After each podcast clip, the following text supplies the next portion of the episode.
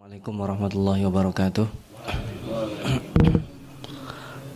Bismillahirrahmanirrahim Alhamdulillah Alhamdulillahilladzi anzala al-Quran Wa faddalana ala sairi khalqihi Bita'alimil ilmi wal bayan Allahumma salli wa sallim wa barik ala sayyidil anam Sayyidina Muhammadin sallallahu alaihi wasallam wa ba'd Bapak-bapak dan ibu-ibu kaum muslimin dan muslimat yang dicintai Allah SWT Bersyukur kepada Allah Uh, ini adalah pertemuan pertama kita di tahun 2014. Kita berharap kepada Allah Subhanahu wa taala menjadikan pertemuan kita pada kesempatan kali ini membawa kemanfaatan yang besar. Mobil khusus kita melanjutkan sesuatu yang telah kita rintis bersama pada pertemuan sebelumnya. Dan kita juga bersyukur kepada Allah diberikan kesehatan dan uh, waktu yang Allah berikan ini semata-mata adalah kelak akan dipertanggungjawabkan. Perubahan dari satu tahun ke satu yang ke tahun yang lainnya tidak lain dan tidak bukan sama dengan perubahan dari hari satu ke hari yang lainnya. Dia tidak ada yang istimewa kecuali hari tersebut kelak akan menjadi saksi di hari kiamat Mudah-mudahan pada saatnya hari-hari tersebut menjadi saksi Kita dipersaksikan sebagai orang-orang yang baik. Allahumma amin. Kita akan melanjutkan kajian kita uh, Pada kesempatan kali ini Yaitu kajian pada ayat 164 Mohon maaf pada ayat 164 sampai 169 A'udzu billahi minasyaitonir rajim. Inna fi khalqis samawati wal ardi wa ikhtilafil laili wan nahari wal fulki allati tajri fil bahri bima yanfa'un nasa wa ma anzalallahu minas sama'i min ma'in fa ahya bihil arda ba'da mautiha وبث فيها من كل دابة وتصريف الرياح والسحاب المسخر بين السماء والأرض لآيات لقوم يعقلون sekedar uh, flashback sebentar dari yang pernah kita tadaburi pada pertemuan sebelumnya bahwa Allah akan memberikan laknat kepada orang-orang yang kafir kemudian menutup dirinya dari kebaikan-kebaikan iman bukan hanya Allah dia akan menerima laknat dari malaikat dan dari orang-orang yang melaknatnya dan ini dijelaskan yaitu orang termasuk manusia dan siapa saja dari makhluknya akan melaknat e, semua orang yang tidak mau beriman kepada Allah. Ya, ini menandakan adanya ketauhidan. Jadi agama yang benar-benar diridhai Allah itu agama tauhid yang mengisahkan Allah. Ini sekedar flashback pada yang pertemuan sebelumnya. Maka sekarang menuju tauhid. Jalan menuju tauhid tersebut sangat banyak. Allah buka pertama kali yaitu dengan ayat penciptaan langit dan bumi. Ayat penciptaan langit dan bumi sangat banyak sekali. Di sini Allah katakan inna fi khalqis samawati wal ard. Sesungguhnya di dalam penciptaan langit-langit dan bumi secara bahasa itu harusnya Allah di sini menuliskan inna fi khalqis samawati wal aradin misalnya. Jadi di sini penciptaan langit itu dipluralkan sementara bumi itu satu. Padahal sejatinya sebagaimana samawat itu tujuh lapis, bumi juga terdiri dari tujuh lapis. Tetapi karena bumi yang tujuh lapis itu yang dihuni manusia hanya satu, maka Allah ingin konsentrasi supaya kita konsentrasi pada bumi yang sekarang ini kita huni. Jadi ini uh, hikmah pertama secara bahasa. Yang kedua, penciptaan langit dan bumi kenapa yang didahulukan adalah as-samawat? Kenapa Allah tidak mengatakan misalnya inna fi khalqil ardi was samawat? Sesungguhnya dalam penciptaan bumi yang kita ada di sini dan langit-langit itu juga menandakan bahwa Allah ingin memulai dari payungnya. Allah ingin memulai dari sesuatu yang yang kita tidak bisa lepas di sana, padahal sampai detik ini kita tidak pernah tahu langit itu batasannya mana. Jadi tidak ada satupun orang itu tahu langit di mana, tetapi Allah ingin memulainya dari sana supaya orang melihat. Jadi kalau dimulai dari bumi, dia akan sibuk di bumi. Tapi kalau dimulai dari langit, dia akan mencari mana sebenarnya langit itu. Lalu kalau orang mencari langit, kita bisa membaca firman Allah dalam surat uh, Al-Waqiah misalnya. Fala uqsimu bimawaqi'in nujum. Uh, saya kira pernah saya jelaskan dalam kesempatan yang lain ya, saya ulang sekilas. Kata mawaqi'in nujum, tempat bintang, tempat peredaran bintang yang dijantikan sumpah Allah dalam surat Al-Waqiah itu setidaknya mengisyaratkan menurut Dr. Zaglul An-Najjar ya itu itu bintang yang kita lihat tadi malam atau saat ini kalau masih ada bintang itu bukan bintangnya. Itu adalah mawaqi'in nujum, tempat bersemayamnya bintang beberapa waktu lalu. Bintangnya sudah pindah ke tempat lainnya. Nah, ini ada yang macam-macam. Yang terdekat konon katanya itu 30 bulan. Yang kita lihat itu bukan bintang, itu adalah tempat bintang 30 bulan yang lalu. Bintangnya ke mana? Sudah pindah ke tempat lainnya. Baru ketahuan 30 bulan yang akan datang. Ada yang tiap 50 bulan, ada yang 60 bulan, ada yang setahun, dua tahun, 100 tahun, bahkan sampai saat dia diciptakan sampai nanti hari kiamat ada yang juga yang sinarnya nggak sampai ke bumi saking jauhnya. Jadi menandakan bahwa itu belum sampai langit. Kita tidak tahu sejauh mana. Sampai detik ini penemuan-penemuan ilmiah menemukan bahwa uh, alam semesta itu sangat-sangat luas sekali. Nah, orang kalau dibiarkan melanglang ke sana yang sangat luasnya itu dia akan berpikir siapa yang menciptakan itu? Karena di sini kan khalq, penciptaan ya. Siapa yang menciptakan itu? Baru kemudian masuk wal ard, bumi tempat kita berada sekarang. Bumi tempat kita yang berada sekarang itu adalah sumber penciptaan manusia yang Nabi Adam itu diciptakan dari sana. Jadi Nabi Adam itu satu-satunya makhluk Allah bernama manusia yang diciptakan Allah langsung dari bumi. Dalam satu hadis dijelaskan diciptakan itu adalah malaikat disuruh Allah mencari tanah. Mencari tanah. Makanya kita adalah kumpulan dari tanah. Ada kalanya tanah itu adalah di dalam Al-Qur'an itu penciptaan Nabi Adam bermacam-macam. Kadang disebut dengan tinin lazib, kadang disebut dengan uh, salsalin kal fakhar. Salsalin kal fakhar itu adalah proses terakhir penciptaan manusia ketika sudah menjelang dikasih ruh. Uh, sudah kering seperti uh, apa? perangkat rumah tangga yang terbuat dari tanah. Nah, itu Nabi Adam terakhir gitu kalau di diketok gini bunyi, nah itu adalah salsalin kal seperti perabotan rumah tangga.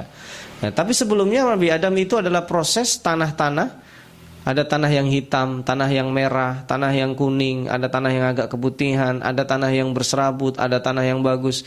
Maka penciptaan manusia sekarang mengapa kita bisa tahu manusia ada yang kulitnya merah, ada yang kulitnya kuning, ada yang kulitnya coklat, ada yang kulitnya hitam. Itu tidak identik dengan kemuliaan karena itu adalah bagian dari tanah yang diambil malaikat. Nah, kalau kita melihat setelah yang luas tadi kita tidak tahu batasnya. Sekarang kita melihat yang ada di bumi dan di bumi itu dimulai dari diri kita. Wa fi anfusikum afala tubsirun. Dari diri kita ini penciptaan yang sangat rumit, tapi Allah Subhanahu wa taala itu yang menciptakan uh, kita melalui proses tersebut. Dan setelah Nabi Adam tidak ada satu manusia pun yang diciptakan Allah dengan dengan tangannya langsung. Semuanya prosesnya itu uh, ada musyarakah. Maka kalau kita lihat di dalam Al-Qur'an, kata-kata khalaqa itu kata gantinya ada dua.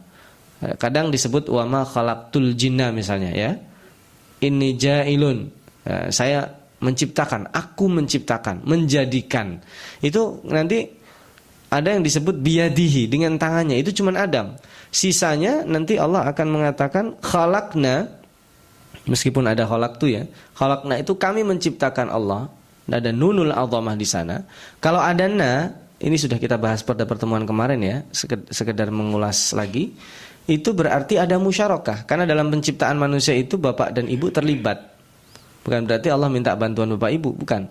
Tapi dalam lahirnya seorang bayi, Allah sengaja menciptakan proses melalui kedua orang tuanya. Nah, supaya orang melihat Ternyata penciptaan manusia itu sederhana bagi Allah, tapi kalau diikuti sangat rumit sekali. Coba kita bayangkan dari mana berdetaknya jantung. Jantung itu kan usianya lebih dahulu. Kalau kita identik umurnya itu dihitung dari keluar dari rahim ibu ya. Padahal manusia hidup bukan dari situ. Berarti berapa umur Anda? Umur saya 20 tahun misalnya, umur saya 30 tahun atau 40 tahun. Itu bukan tidak selamanya benar, dia hidup sebelum itu. Dia hidup sebelum itu beberapa bulan. Saat jantungnya berdetik. Nah, itu dia disebut kehidupan yang sesungguhnya. Nah, ini Allah ingin melihat penciptaan langit yang tidak ketahuan itu sampai sekarang manusia tidak tahu. Dalam surat Ar-Ra'd bighairi amadin, tanpa ada tiang. Padahal itu atap ya. Nanti ada yang lebih dari itu ya. Sekarang saya lanjutkan, Al-Fakir lanjutkan. Waqtilafil laili wan nahar. Pertama penciptaan langit dan bumi yang rumit, yang kedua adalah perbedaan malam dan siang. Sebenarnya malam dan siang itu perbedaannya apa? Coba kalau kita mau pantengin jujur. Halus sekali Allah memindahkan antara siang dan malam. Kalau kita bermain teater sandiwara, perpindahan dari satu tempat ke tempat lainnya kelihatan. Oh, itu pakai layar. Tapi sekarang siapa yang tahu bagaimana Allah memindahkan antara malam dan siang? Malam dan siang itulah kalau kita sebut dalam teori matahari berputar yang menyebabkan bagian bumi terkena matahari itu sebenarnya adalah posisi dia. Jadi posisi matahari itu kan posisinya nyorotin bumi ya, menyorot bumi. Tetapi yang mendapatkan sinar adalah yang menghadap matahari.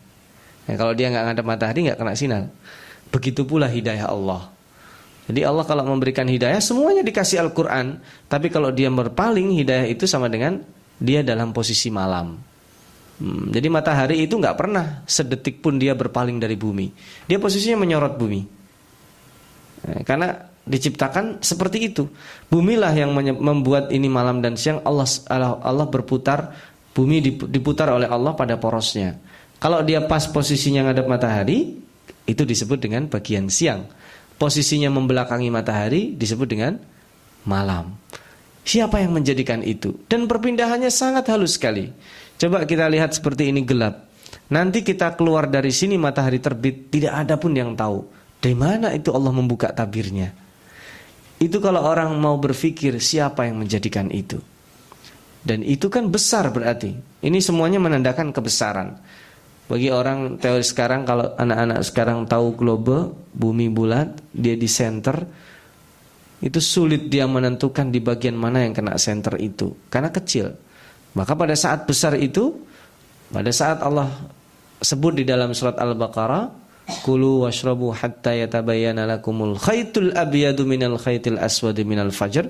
Itu sesungguhnya kalau bapak-bapak dan ibu-ibu naik pesawat ya, Nanti dari pesawat itu kan ada garis uh, hitam putih ya. Nah, itulah posisi bumi dari matahari. dan itu yang disebut dengan malam dan siang. Dan malam itu ada permulaannya, kemudian siang juga ada akhirnya. Ini uh, yang kedua. Yang ketiga, Allah suruh kita memikirkan al-fulk wal fulkillati tajri fil bahri dan bahtera dan kapal sesuatu yang ditumpangi manusia di zaman itu di zaman Rasulullah Shallallahu Alaihi Wasallam itu kira-kira para sahabat sudah pernah naik kapal belum? Sudah belum, Pak? Saya belum belum ya. Allah mengajak seseorang untuk berpikir visioner. Yang kedua, Mungkin kalau belum bisa jadi, tapi dia akan mendengar bahwa itu pernah ada terjadi. Karena seperti halnya ada sabda yang menyuruh ber, e, mengajari anak-anak itu pandai memanah ya dan berenang. Itu kalau dikatakan sabda itu di Indonesia nggak ada masalah, banyak sungai. Tapi kalau sabda itu dikatakan di Saudi Arabia, coba kita bayangin, di mana anak-anak itu disuruh berenang?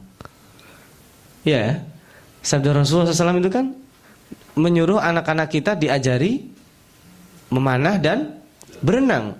Memanah tidak ada masalah, tapi sahabat kenapa tidak bertanya? Ya Rasulullah, kita nggak belajar berenangnya di mana Rasulullah? Orang nggak ada air.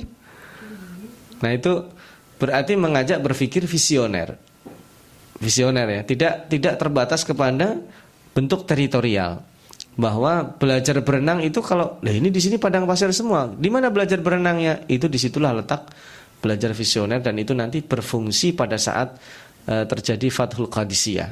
Itu ketika uh, Sa'ad bin Abi Waqqas membuka uh, Qadisiyah itu kan dihalangi oleh sungai yang besar dan di situlah pelajaran berenang berarti kuda-kuda bisa menyeberang ke sungai dan orang yang pandai berenang tidak takut lagi dan pasukan muslim bisa menyeberangi dan sukses menaklukkan Persia pada saat itu.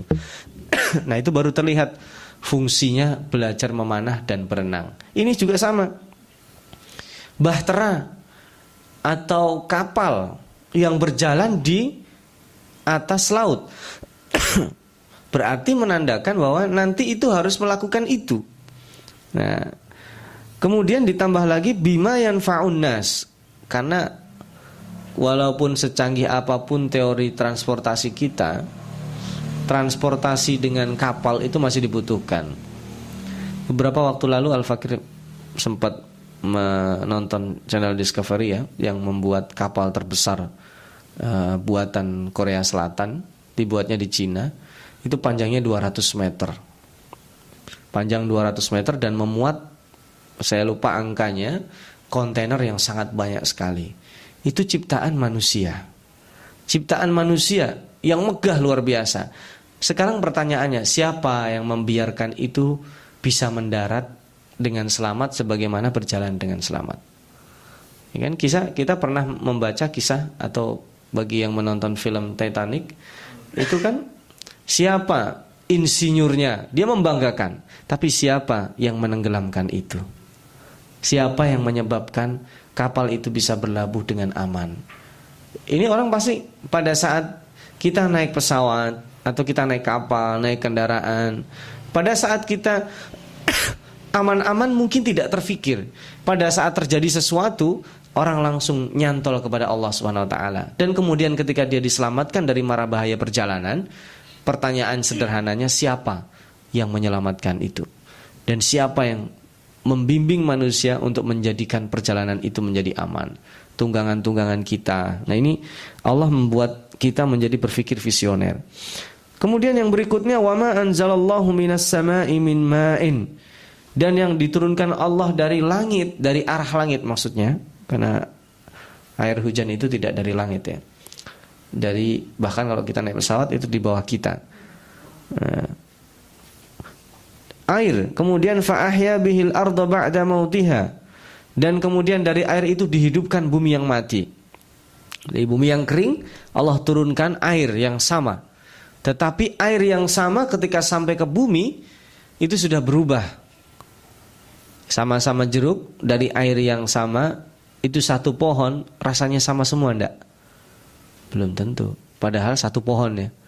Ada yang membusuk, ada yang bagus dan tidak serentak. Ada yang tua, ada yang menguning, ada yang masih muda. Harusnya kan kalau airnya sama sekali muncul muncul semua. Ternyata tidak berproses. Nah, kemudian wabatha fiha min kulli dan kemudian menyebar dari situ berbagai macam uh, jenis hewan-hewan yang melata. Dabbah itu tidak hanya binatang, semua yang merayap di atas muka bumi perlu air. Maka air itu dalam ayat lain waja'alna minal ma'i kulla syai'in hayy. Dan kami jadikan yang hidup itu dari air sesuatu yang hidup. Maka kebutuhan terhadap air itu luar biasa. Maka siapa yang memberi air? Yang memberikan air itu siapa? Maka nanti jawaban itu semuanya mengarah kepada ayat tauhid sebelumnya ya. Wa ilahukum ilahun wahid. Wa tasrifir riyah yang membolak-balikan arah angin. Kalau angin satu arah kasihan, nanti banyak orang masuk angin. Makanya angin itu ada kalanya dari barat ke timur, dari selatan ke utara, dari atas niup ke bawah, dari bawah ke atas. Ada kalanya di situ tidak kena angin. Makanya dalam satu hari kita di rumah aja. Di rumah saja posisi pintu dibuka dari dua buka dari dua arah dibuka. Al-Fakir pernah coba itu ya. Kalau setiap pagi itu angin nggak kenceng meskipun hawanya enak. Tapi begitu di atas jam 3 jam 3 sore atau jam 5 mendekati maghrib itu angin kencang sekali. Dan itu rata-rata hampir setiap hari. Siapa yang mengubah arah angin itu? Nah, orang kan disuruh berpikir. Kemudian was-sahabil musakhkhari bainas sama'i wal ard. Dan kalau kita lihat awan-awan antara langit dan bumi yang di dalamnya ada air. Air itu dari mana prosesnya? Air itu prosesnya dari berbagai air kan? Berbagai air yang ada di bumi tidak semuanya air bersih. Bahkan sebagian air itu adalah air laut. Betul ya? Tapi begitu Allah angkat berada di awan, diturunkan lain ke bumi, airnya rasanya apa? Tawar. Nah, orang berpikir lagi, ada apa di di sahab tersebut? Ada apa di awan-awan itu sehingga proses ada seolah-olah terjadi penyulingan? Masya Allah. Padahal kalau dilihat tidak ada mesin di sana, tapi Allah sebutkan Allah uh, buat itu secara alami. Maka ini yang disebut tadi semua la ayatin liqaumin yaqilun. La ayatin liqaumi yaqilun. Maka itu adalah la ayatin. Tanda-tanda yang tidak ada batasnya. Maka bahas, kata la ayatin di situ nakirah itu unlimited, enggak ada batasnya. Tanda-tanda kekuasaan yang luar biasa liqaumin yaqilun bagi orang-orang yang mau menggunakan akalnya. Karena di dalam Al-Qur'an tidak pernah disebutkan kata-kata al-aklu ya. Akal nggak pernah disebut. Otak juga nggak pernah disebut karena agama kita anti pengkultusan terhadap akal. Nah, di sini yang disebut di dalam Al-Qur'an itu fungsi akalnya. Maka di sini yang ayat pertama itu liqaumin yaqilun. Selesai ayat-ayat tanda-tanda keesaan Allah, Allah memasuki pesan yang utama Wa minan nasi may yattakhidhu min dunillahi andada yuhibbunahum kahubbillah. Di antara manusia sayangnya dia bukannya sampai kepada kesimpulan itu adalah ciptaan dari zat yang serba maha, tapi dia jadikan ada saingan bagi Allah Subhanahu wa taala yang harusnya dia bilang itu adalah kekuasaan Allah yang Maha Esa, tapi dia bilang oh enggak. Uh, Mayyattahidu min dunillahi andada niddan lawan, sekutu atau apa pun namanya dinamakan Tuhan bagi sebagian mengatakan berarti ada persekutuan di situ. Yuhibbunahum kahubbillah dan mereka mencintai Tuhan-Tuhan tersebut sebagaimana mereka mencintai Allah. Walladzina amanu asyaddu hubban lillah. Sementara orang-orang yang beriman sangat mencintai Allah. Jadi ini dibandingkan ya. Menandakan ada orang-orang bukan hanya yang cuek kepada Allah, tapi dia mengambil dua sisi, menyembah Allah tapi nyembah yang lainnya juga. Ada itu. Dan kita alhamdulillah mudah-mudahan kita tidak termasuk itu. Mengkultuskan sesuatu, mengkultuskan seseorang, mengkultuskan komunitas, mengkultuskan apa saja dan itu disamakan posisinya dengan Allah. Contoh misalkan kita sebagai bawahan, atasan kita posisikan sebagai orang yang sanggup mengapa-apakan nasib kita sehingga kita takut kepadanya, ketakutannya luar biasa. Nah, itu berarti kan sama. Di sini bukan mencintai lagi, takutnya kepada atasan itu sama dengan takut kepada Allah, bahkan lebih. Kalau mau jujur kadang takut kita kepada Allah itu dalam waktu-waktu tertentu ada hari liburnya. Pada saat kita sendiri takut pada Allahnya berkurang. Ya kan? Pada saat iman kita ngedrop itu takutnya berkurang, cintanya juga berkurang pada saat uh, sedang tidak punya uang bisa tambah bisa turun tergantung kita sudut pandangnya pada saat terjadi cobaan pada saat diberikan nikmat yang luar biasa baik nikmat materi atau yang lainnya. Nah ini Allah ingin menggambarkan kemudian Allah langsung tarik. Orang-orang yang seperti itu disebutnya adalah orang-orang zalim sebenarnya. Padahal langsung posisinya walau yaral ladzina zalamu idh yarawna al-'adzab annal quwwata lillahi jami'an wa anna Allah syadidul azab dan orang-orang zalim yang berbuat zalim di muka bumi ini ketika melihat azab di dunia wa annal quwwata lillahi jami'an dan kekuatan itu mutlak dari Allah Subhanahu wa taala semua jenis kekuatan apa pun wa anna Allah syadidul azab azab Allah di akhirat sangat pedih ini jawabnya mahdzuf ya kalau dalam bahasa Arab ini kan Terus apa kalau mereka melihat itu?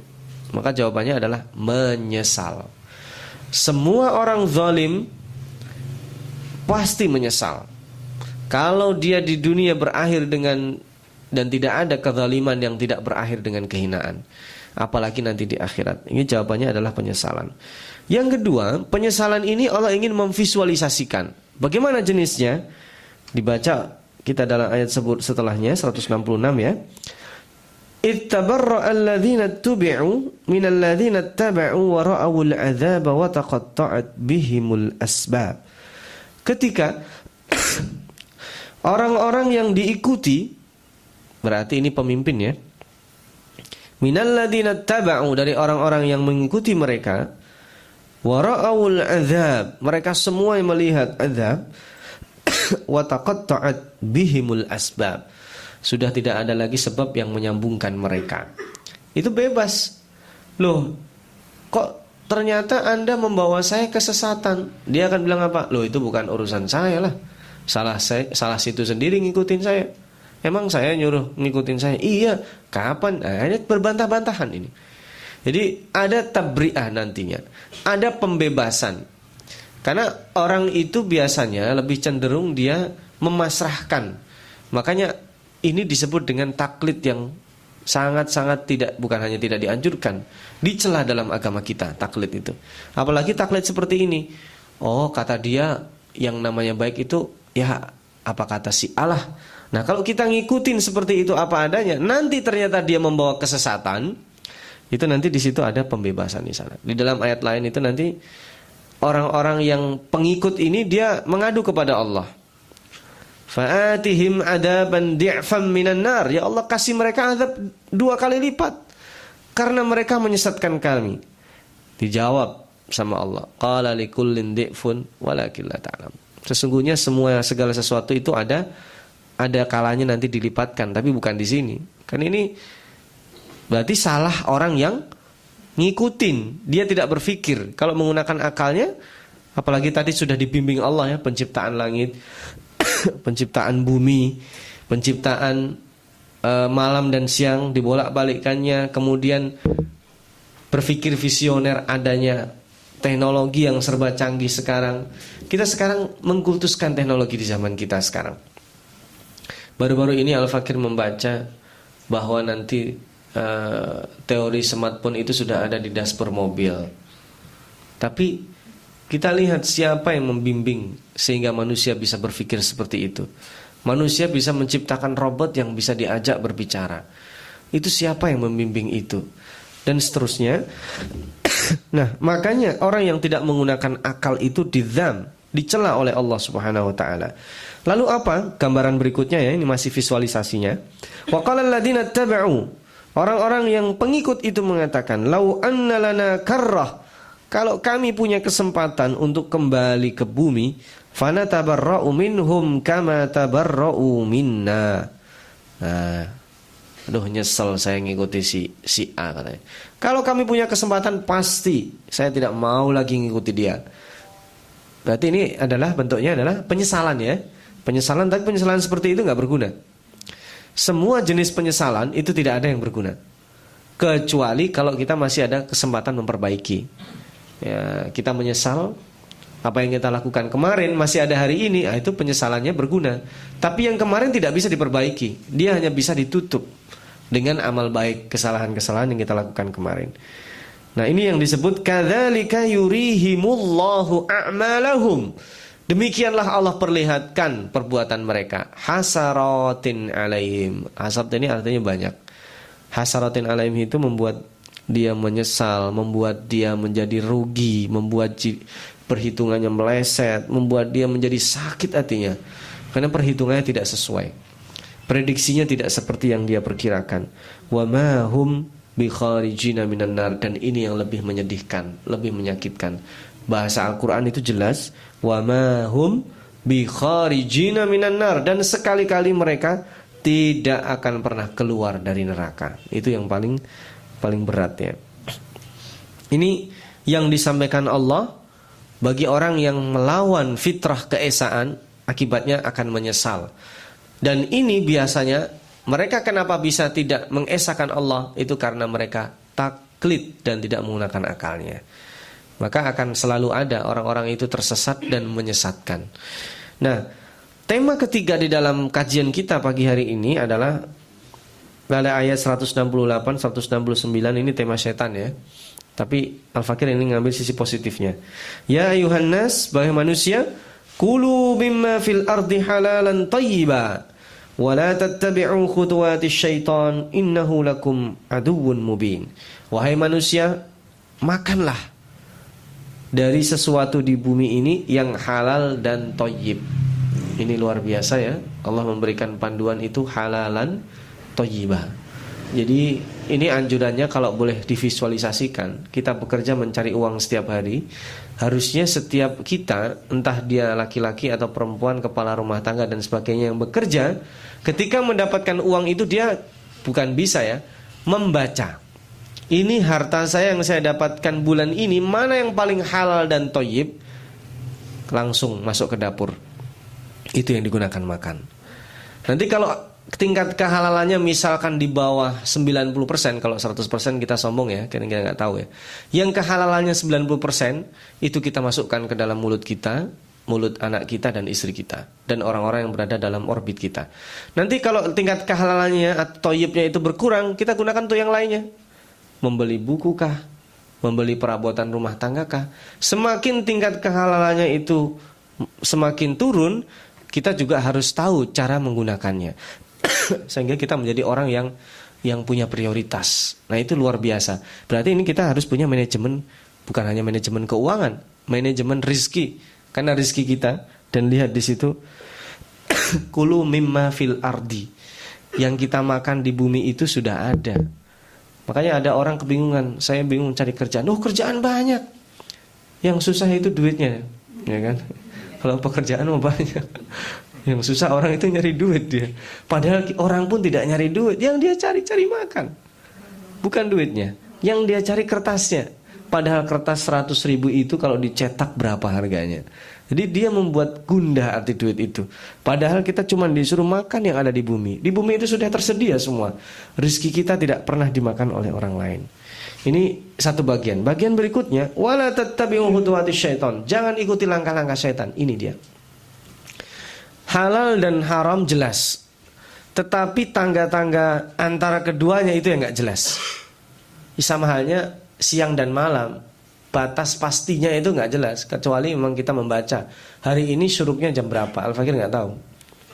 Tapi bagi orang yang membaca jadwal imsakiyah atau suruk itu, dia tahu hari ini suruknya jam sekian sekian itu batasnya jelas. Tapi orang yang tidak membaca dia nggak tahu. Ini sekarang udah terbit matahari belum? Apalagi mendung nggak tahu dia. Sama demikian kita mencari rizki nggak tahu batasannya kita bisa ikut jalannya setan itu. Padahal kata Allah, innahu lakum aduun mubin. Sesungguhnya setan itu adalah musuh yang nyata. Kalau Al-Fakir nanya ya, Bapak-bapak dan ibu-ibu pernah ngelihat setan nggak? Kenapa Allah katakan musuh yang nyata? Nah, itu tafsirannya banyak ternyata. Aduun mubin di situ. Tafsiran yang paling terkenal adalah mubin ter, uh, jelas adalah mubin fi adawatihi. Jadi yang paling jelas permusuhannya. Jadi kalau yang lain itu kadang jadi musuh, kadang jadi teman, syaitan itu tidak pernah sekaligus jadi teman. Loh itu di dalam Al-Qur'an Innal mubadzirina kanu ikhwana syayatin Sesungguhnya orang-orang yang mubadzir itu menjadi saudara syaitan Itu bukan saudara di situ Ukhuwah syaitaniyah itu untuk dijadikan teman menghuni neraka Jadi kalau saya misalkan terjatuh Atau saya sedang bangkrut kemudian saya ingin mengajak orang ikut sengsara dengan saya, nah itu disebut dengan ukhuwah syaitonia. Nah, dalam kesengsaraan itu menginginkan orang lain itu sama sengsaranya dengan saya, itu syaitan. Beda dengan saya sedang tertimpa musibah, ada orang lain ingin empati, nah itu ukhuwah Islamiyah di situ. Jadi pihak yang bukan yang tertimpa musibah, kalau yang tertimpa musibah kan sering ya misalkan anda sih nggak pernah merasakan betapa sakitnya saya. Coba Anda jadi saya. Nah itu setan itu. Jadi menginginkan orang lain sengsara seperti yang saya rasakan sekarang. Nah itu ukhuwah syaitonia. Jadi ada jenis ukhuwah banyak sekali. Ukhuwah orang kafir juga ada dalam surat Al-Hasr ya. Alam tara ilal ladina nafaqu yaquluna li ikhwanihimul ladina kafaru. Itu ukhuwah sesama orang-orang yang tidak beriman itu ada. Tapi lain waktu kita bahas ya. Nah, Satu, yang dinamakan mubin di sini adalah mubin fi adawatihi, jelas dalam permusuhannya. Padahal kita tidak pernah melihat syaitan.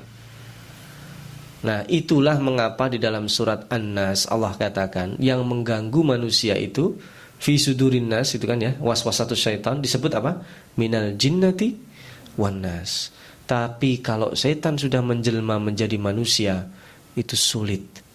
Makanya surat An-Nas itu disebut dengan bukan dengan surat jin, kan surat jin sudah ada. Surat An-Nas itu disebut dengan surat An-Nas kan? Coba baca ayatnya.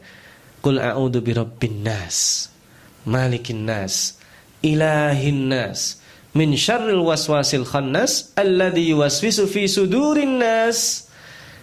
Bukan dari jenis syaitan, tapi minal jinnati wanas. Jadi syaitan itu lebih kalau Al-Fakir boleh memvisualisasikan, syaitan itu bukan jenis makhluk ya. Dia sifat. Dia bisa menjelma dalam diri seorang atau dua orang apa pun namanya, jin bisa menjelma dalam diri orang dan setiap kita ada syaitan yang harus kita lawan di dalam diri kita. Nah, itu makanya uh, syaitan itu disebut di dalam Al-Qur'an tidak disebut wujudnya, tapi disebut dengan sifatnya. Innahu lakum adu mubin. Dan orang biasanya langsung larinya kepada setan yang mengganggu Nabi Adam. Ya, kalau mau jujur ya. Langsung ke sana larinya. Padahal setan yang mengganggu Nabi Adam yang disebut iblis itu sekarang sudah meninggal dunia. Sudah mati dia. Meskipun ada ulama yang mengatakan dia hidup selama-lamanya. Tidak ada yang hidup selamanya. Semuanya sudah mati. Jin itu juga punya usia kelahiran, punya usia kematian makhluk Allah di muka bumi ini tidak ada yang kekal. Yang belum dimatikan Allah sekarang Nabi Isa itu pun nanti juga akan kembali ke tanah. Semuanya akan kembali ke asalnya. Maka yang kedua, mubin setelah mubin fi adawatihi. Kedua mubin itu kita harus kita steknya, kita jelas mengambil setan itu jelas. Yang ketiga, ini mengulang pernah kita bahas ya pada pembahasan Nabi Adam dulu. Kebanyakan kita mempersepsikan setan itu mengerikan. Kalau ngajarin anak kecil, eh awas ada setan, itu langsung di benak anak kecil kita menakutkan atau bahasa kita hantu ya. Padahal itu persepsi yang membuat kita salah. Kalau setan itu menakutkan, tidak ada maksiat di dunia ini. Setan itu melenakan. Sesuatu yang membuat kita terlena itu disebut dengan setan. Ya kan? Saatnya sholat subuh misalkan, apalagi hujan-hujan seperti sekarang, musim hujan, Kayaknya sayang banget tuh selimut Apalagi selimutnya baru beli Ya kan Nah sesuatu yang membuat terlena itu disebut dengan syaitan Bisa berasal dari diri kita Nah kalau kita sudah ada dalam otak kita Syaitan itu settingannya bukan sesuatu yang mengerikan Justru kalau sesuatu yang mengerikan Kita mudah untuk melarikan diri Seandainya setan itu bentuknya itu mengerikan Dia belum mendekat ke kita Kita sudah lari Tapi justru setan itu bisa melekat ke kita Dalam bahasa hadisnya Ya jri majradam dia mengalir dalam tubuh manusia itu seperti halnya mengalirnya darah, maka kita harus patahkan itu darahnya. Kita harus stop.